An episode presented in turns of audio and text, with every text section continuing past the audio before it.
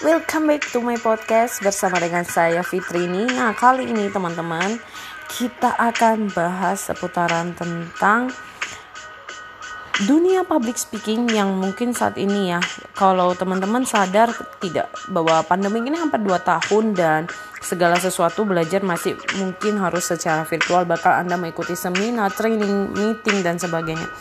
Nah, teman-teman, saya mau cerita sedikit bahwa kenapa virtual itu penting banget untuk kita belajar melalui skill public speaking ya. Karena di saat secara tatap muka itu tidak bisa dilakukan, kita harus tatap muka secara virtual atau online, maka kadang kita mengikuti aplikasi menggunakan aplikasi-aplikasi tersebut kita perlu untuk melatih diri dalam kepercayaan diri. Kenapa?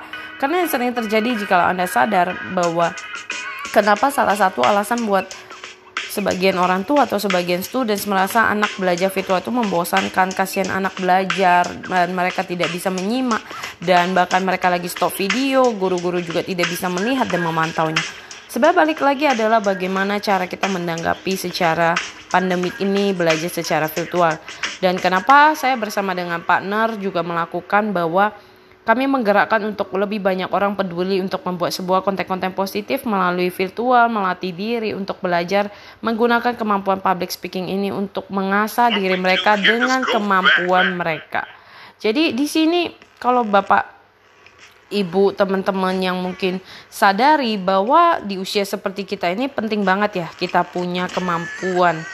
Kemampuan untuk benar-benar melatih diri berbicara bagaimana secara virtual walaupun hanya duduk di depan meja kerja kita ruangan kerja kita secara hanya secara persegi ya kita lihatnya bagaimana face to face secara virtual dan di situ kita juga melatih diri kita bagaimana kita bisa berbicara secara percaya diri bagaimana kita memberanikan diri untuk uh, nyalakan video dalam keadaan apa pun kita berani untuk tampil melihat diri kita Kenapa alasan banyak orang tidak berani menyalakan video? Itu juga adalah salah satu ya saya bilang bahwa Anda ingin percaya diri, simple saja kalau virtual. Coba Anda berani kan diri Anda untuk menyalakan kamera Anda dan tidak di stop video. Kenapa? Dalam berjam-jam untuk melatih diri Anda. Ini loh diri saya, ini loh sayanya, inilah uh, bagaimana keadaan saya kalau saya lihat diri saya sendiri, saya dilihat orang secara virtual untuk melatih diri kita agar kita juga punya nyali, punya percaya diri.